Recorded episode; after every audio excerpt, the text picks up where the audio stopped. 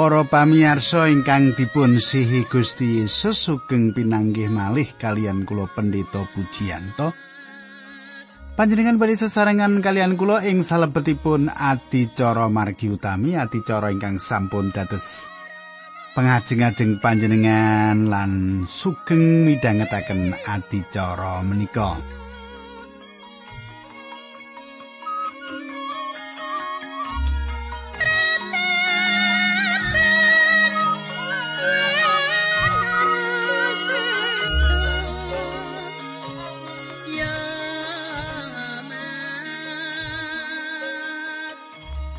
Para pamirsa menapa panjenengan tasih kemutan menapa ingkang kula andharaken nduk nalika pepanggihan kepengker? Nggih supados panjenengan tasih kemutan kula badhe ringkes kemawon. Namung kangge supados panjenengan emut menapa ingkang kula aturaken nduk pepanggihan kepengker.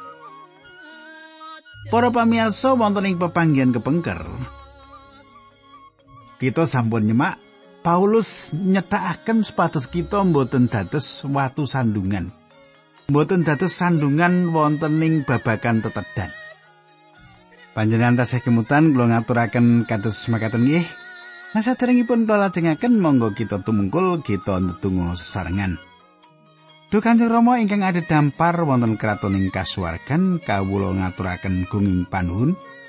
Menawi menika kawula saged tetunggilan kalian sedherek-sedherek kawula lan kawula saged manembah paduka sesarengan lan kawula saged sinau gegilut pangandikan paduka. Kawula nyuwun tuntunanipun Gusti kanthi roh suci paduka. Kanthi makaten menapa ingkang abdi paduka andharaken saestu saged dados berkah lan kegiatan kangge sederek-sederek kawula menika. Dinambaran asmanipun Gusti kawula Yesus Kristus kawula ndedonga haleluya amin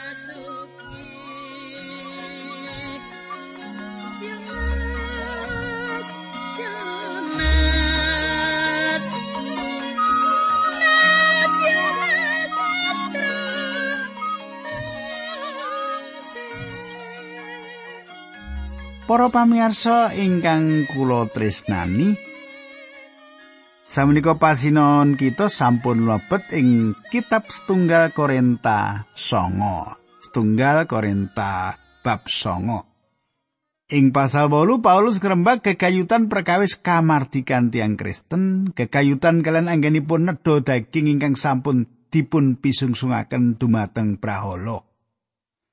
Watonan ingkang dipun paringaken inggih menika supados kita mboten nindakaken menapa kemawon ingkang dados jalaran sedherek ingkang saking menika kesandung. Watonan ingkang dipun paringaken menika nedahaken dumateng kita wontenipun watesan kamardikan Kristen.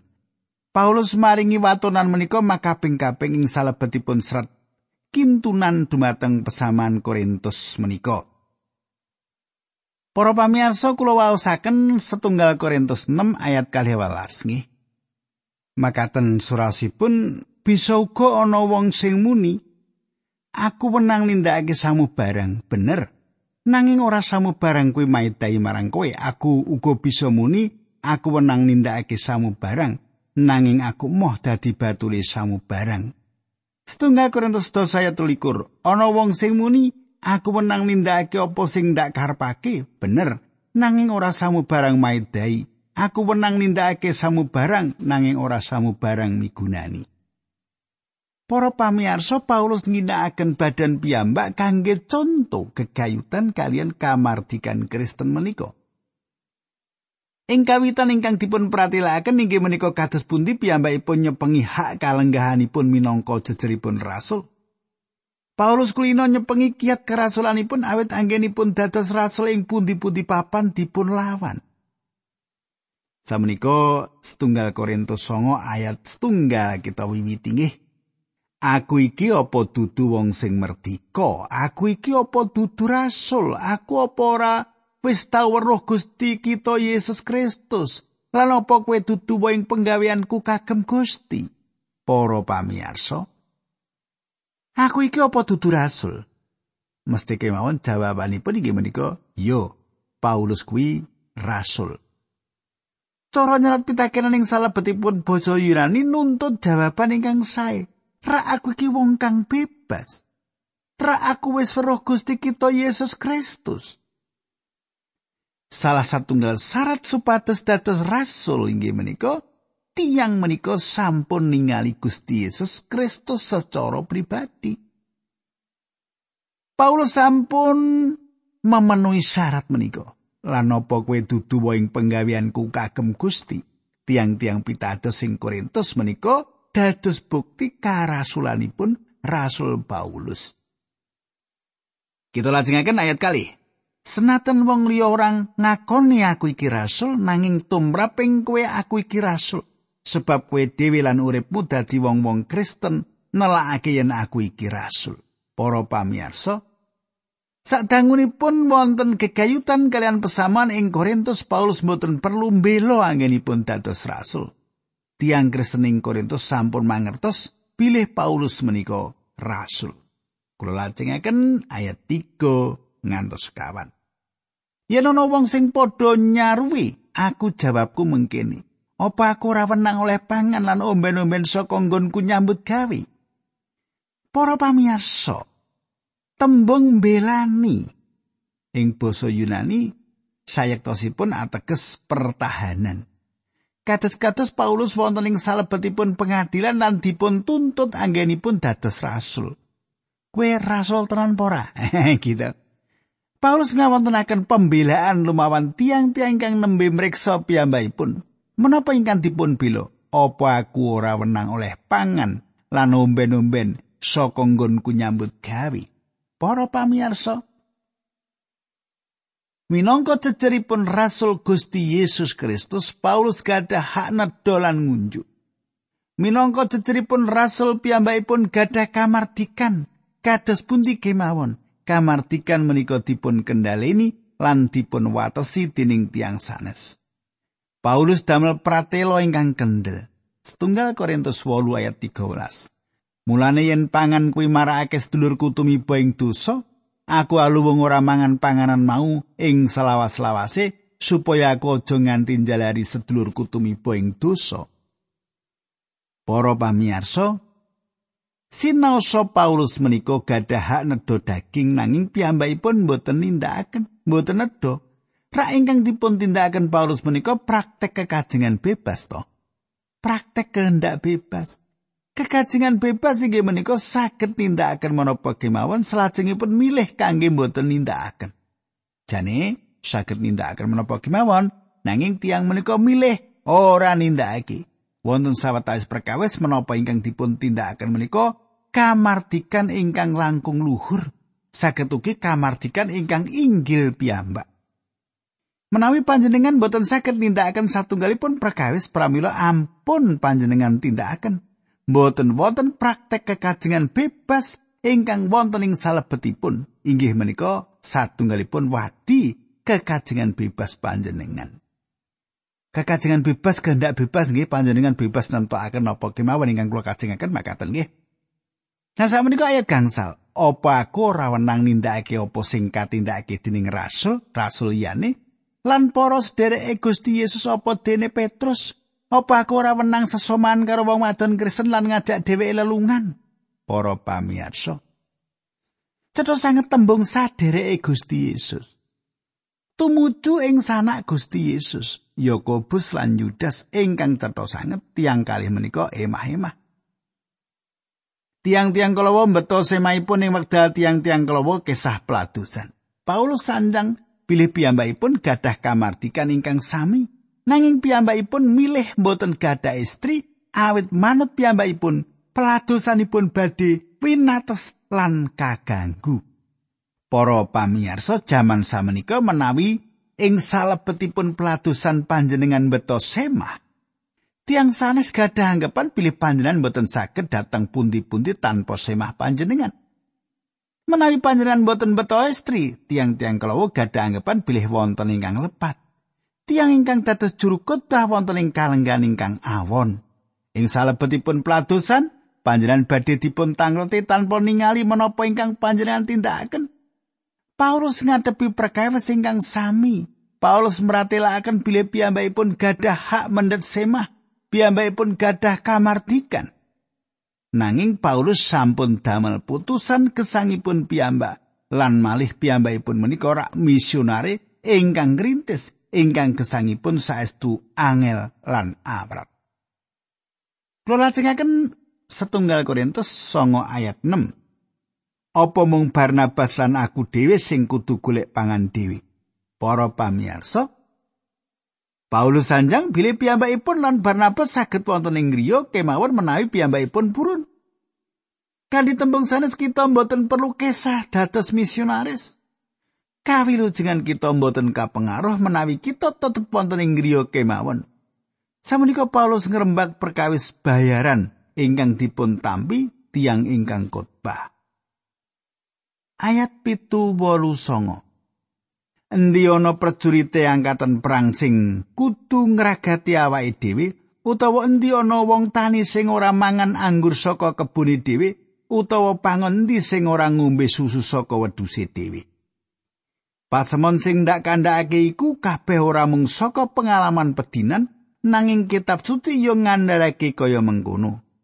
Torete Nabi Musa ra uga nyebutake mengkene, kowe aja mbrangus cangkeme sapi sing lagi nganggo ngiling sing dikersake dening Gusti Allah ing kene ora mung sapi wae.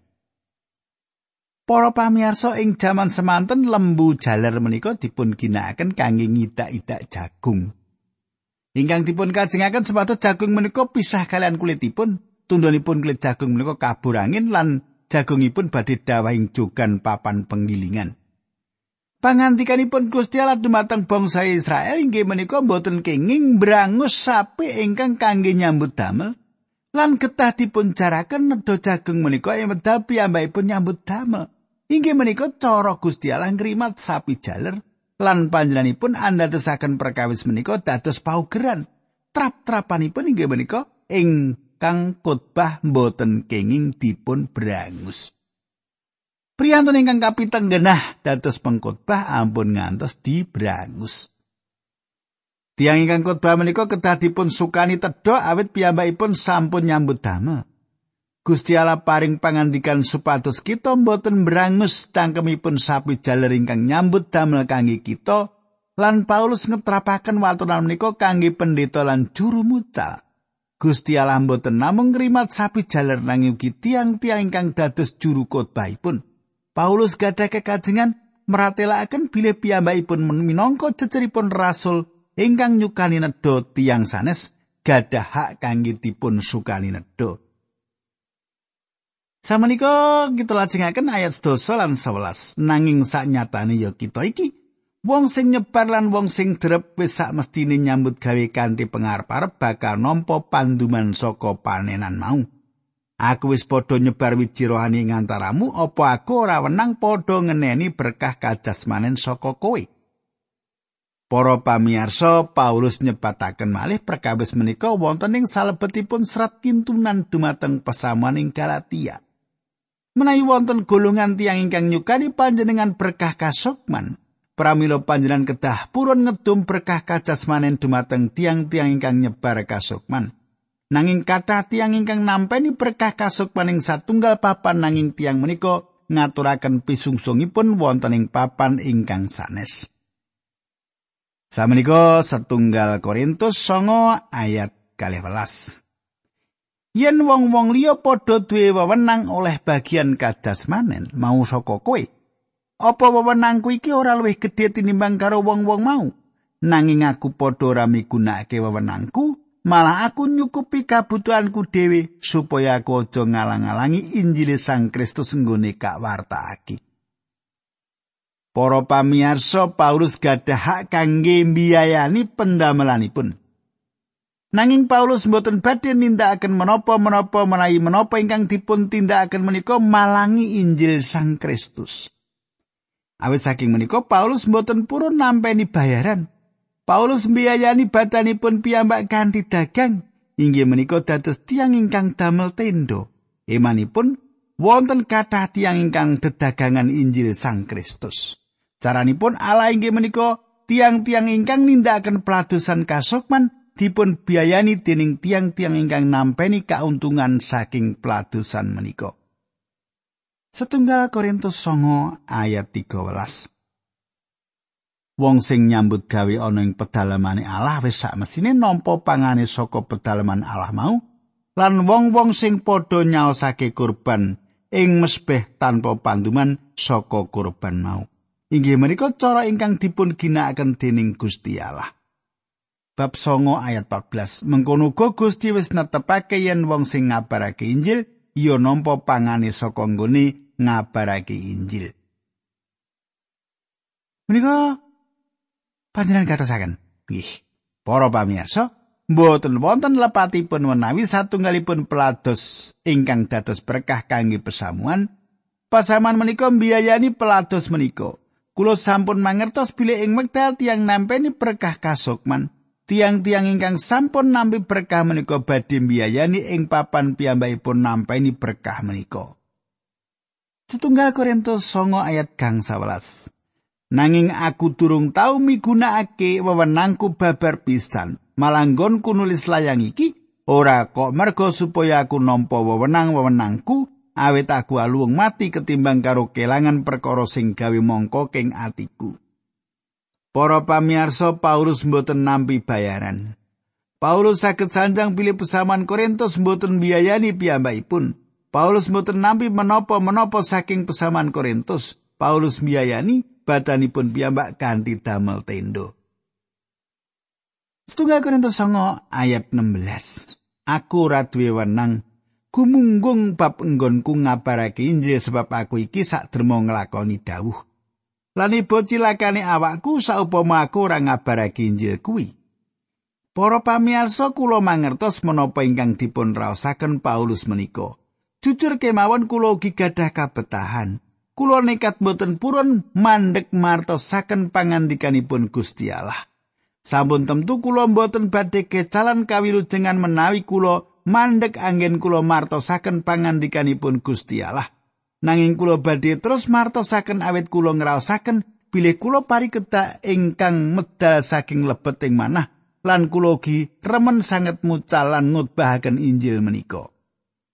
Kita lajengaken ayat pitulas, 18 lan 19. menawa enggonku nindakake pegaweanku metu saka karepku dhewe aku wenang ngarep-arep oleh upah nanging sarene ngabarake Injil kuwi sawijining kewajiban dadine pegawean mau wis dadi tugas sing diparingake dening Gusti Allah marang aku banjur opahku apa opahku ya kuwi dene aku kepareng ngabarake Injil tanpa upah ateges sajroning pegaweanku ngabarake Injil mau aku ora njaluk apa sing dadi wewenangku aku iki bebas. Aku dudu budake sapa-sapa, nanging awakku ndak dadekke budake saben wong supaya aku bisa oleh ati saka wong kabeh. Para pamirsa, Paulus mboten mucalaken Injil kanthi pamrih ingkang siningit lan kula ugi mboten. Nanging Gusti Allah paring janji badhe maringi pituwas. Kula mangertos bilih kita mboten badhe cuwa ing manah. Samenika ayat 19. aku iki bebas. Aku dudu budake sapa-sapa. Nanging awakku ndak dadekke budake saben wong supaya aku bisa oleh ati saka wong kabeh. Para pamirsa, Paulus kata kamartikan kangge anda tosaken badanipun piyambak minangka jejeripun budak utawi abdi ing mriki piyambakipun boten nyukani paseksi ingkang saestu kawentar gegayutan peladosanipun. Kula lajengaken ayat 20 ngantos ayat 23 nggih. 20 ngantos 23. Yen layanan karo wong Yahudi tumindakku kaya wong Yahudi supaya aku bisa oleh ati saka wong Yahudi.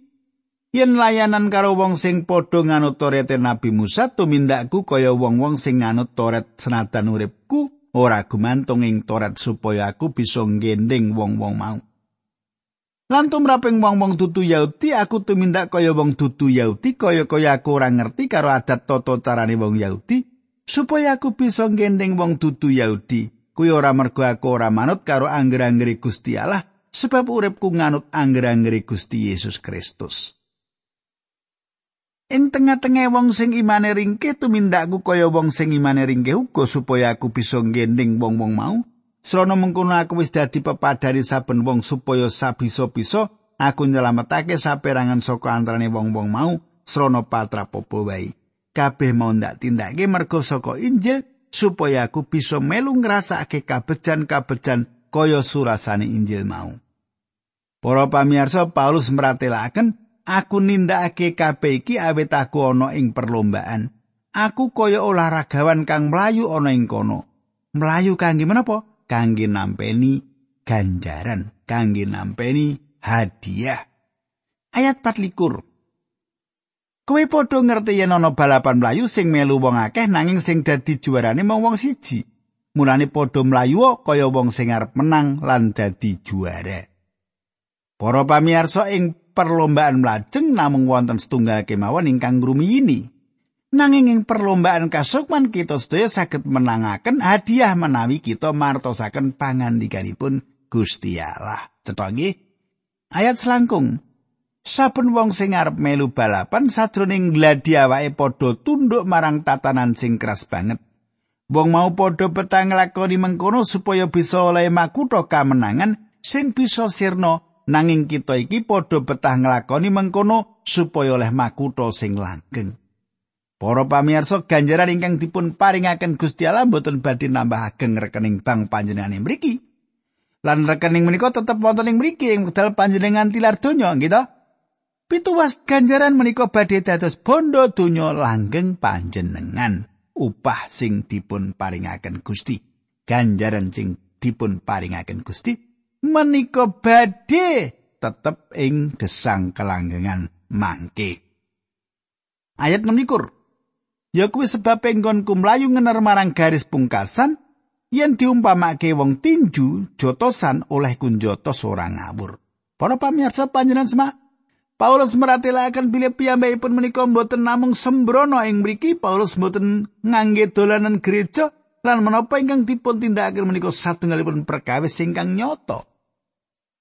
ayat pitulikur nanging aku ngladi badanku nadai jotosan-jotosan sing keras supaya aku bisa ngereh badanku mau aja nganti sawise aku ngabarake Injil marang wong liya aku dhewe ditampik dening Gusti Allah Para pamirsa ditampik dipun jarwakaken cilaka tembung Yunani pun inggih menika adokimo singkang liripun mboten sarujuk Paulus mbayangaken dampar pengadilan Sang Kristus lan ing mriki pituwas ganjaran, pituwas utawi ganjaran dipun paringaken. Ing salebetipun serat kintunan ingkang kaping kalih dumateng pesaman Korintus, Paulus ngrembak kekayutan kasunyatan bilih kita sedaya badhe wonten ing ngajeng damparing pengadilan Sang Kristus lan ing mriku pituwas dipun paringaken. Para pamirsa, Paulus meratilaken pilih piyambakipun wonten ing lapangan perlombaan lan sawek. Lumajeng supados nampeni ganjaran. Inggih menika sebabipun piyambakipun martosaken Injil kados ingkang dipun tindakaken menika. Paulus gadah kamardikan inggih menika pilihan ingkang dados katetepanipun manut kula saben tiang Kristen kedah nyambut damel kangge nampeni pituwas kita mboten nyambut damel kangge nampeni kawilujengan Menika satunggalipun peparing ingkang dipun paringaken awit saking siramatipun Gusti Allah. Menawi panjenengan ngersakaken nampani ganjaran pituas, panjenengan kedah nyambut damel. Makaten para pamirsa kita pungkasi riyin dilajengaken dinten candhaipun monggo kita tumungkul kita ndedonga. Duh Gusti Allah matur nuwun sanget menawi menika kawula saged midhangetaken kayektosan-kayektosan saking paduka. Paduka dipati kawula lan kintenipun dados berkah paduka ing wanci menika linambaran asmanipun Gusti Yesus Kristus kawula tunggu haleluya amin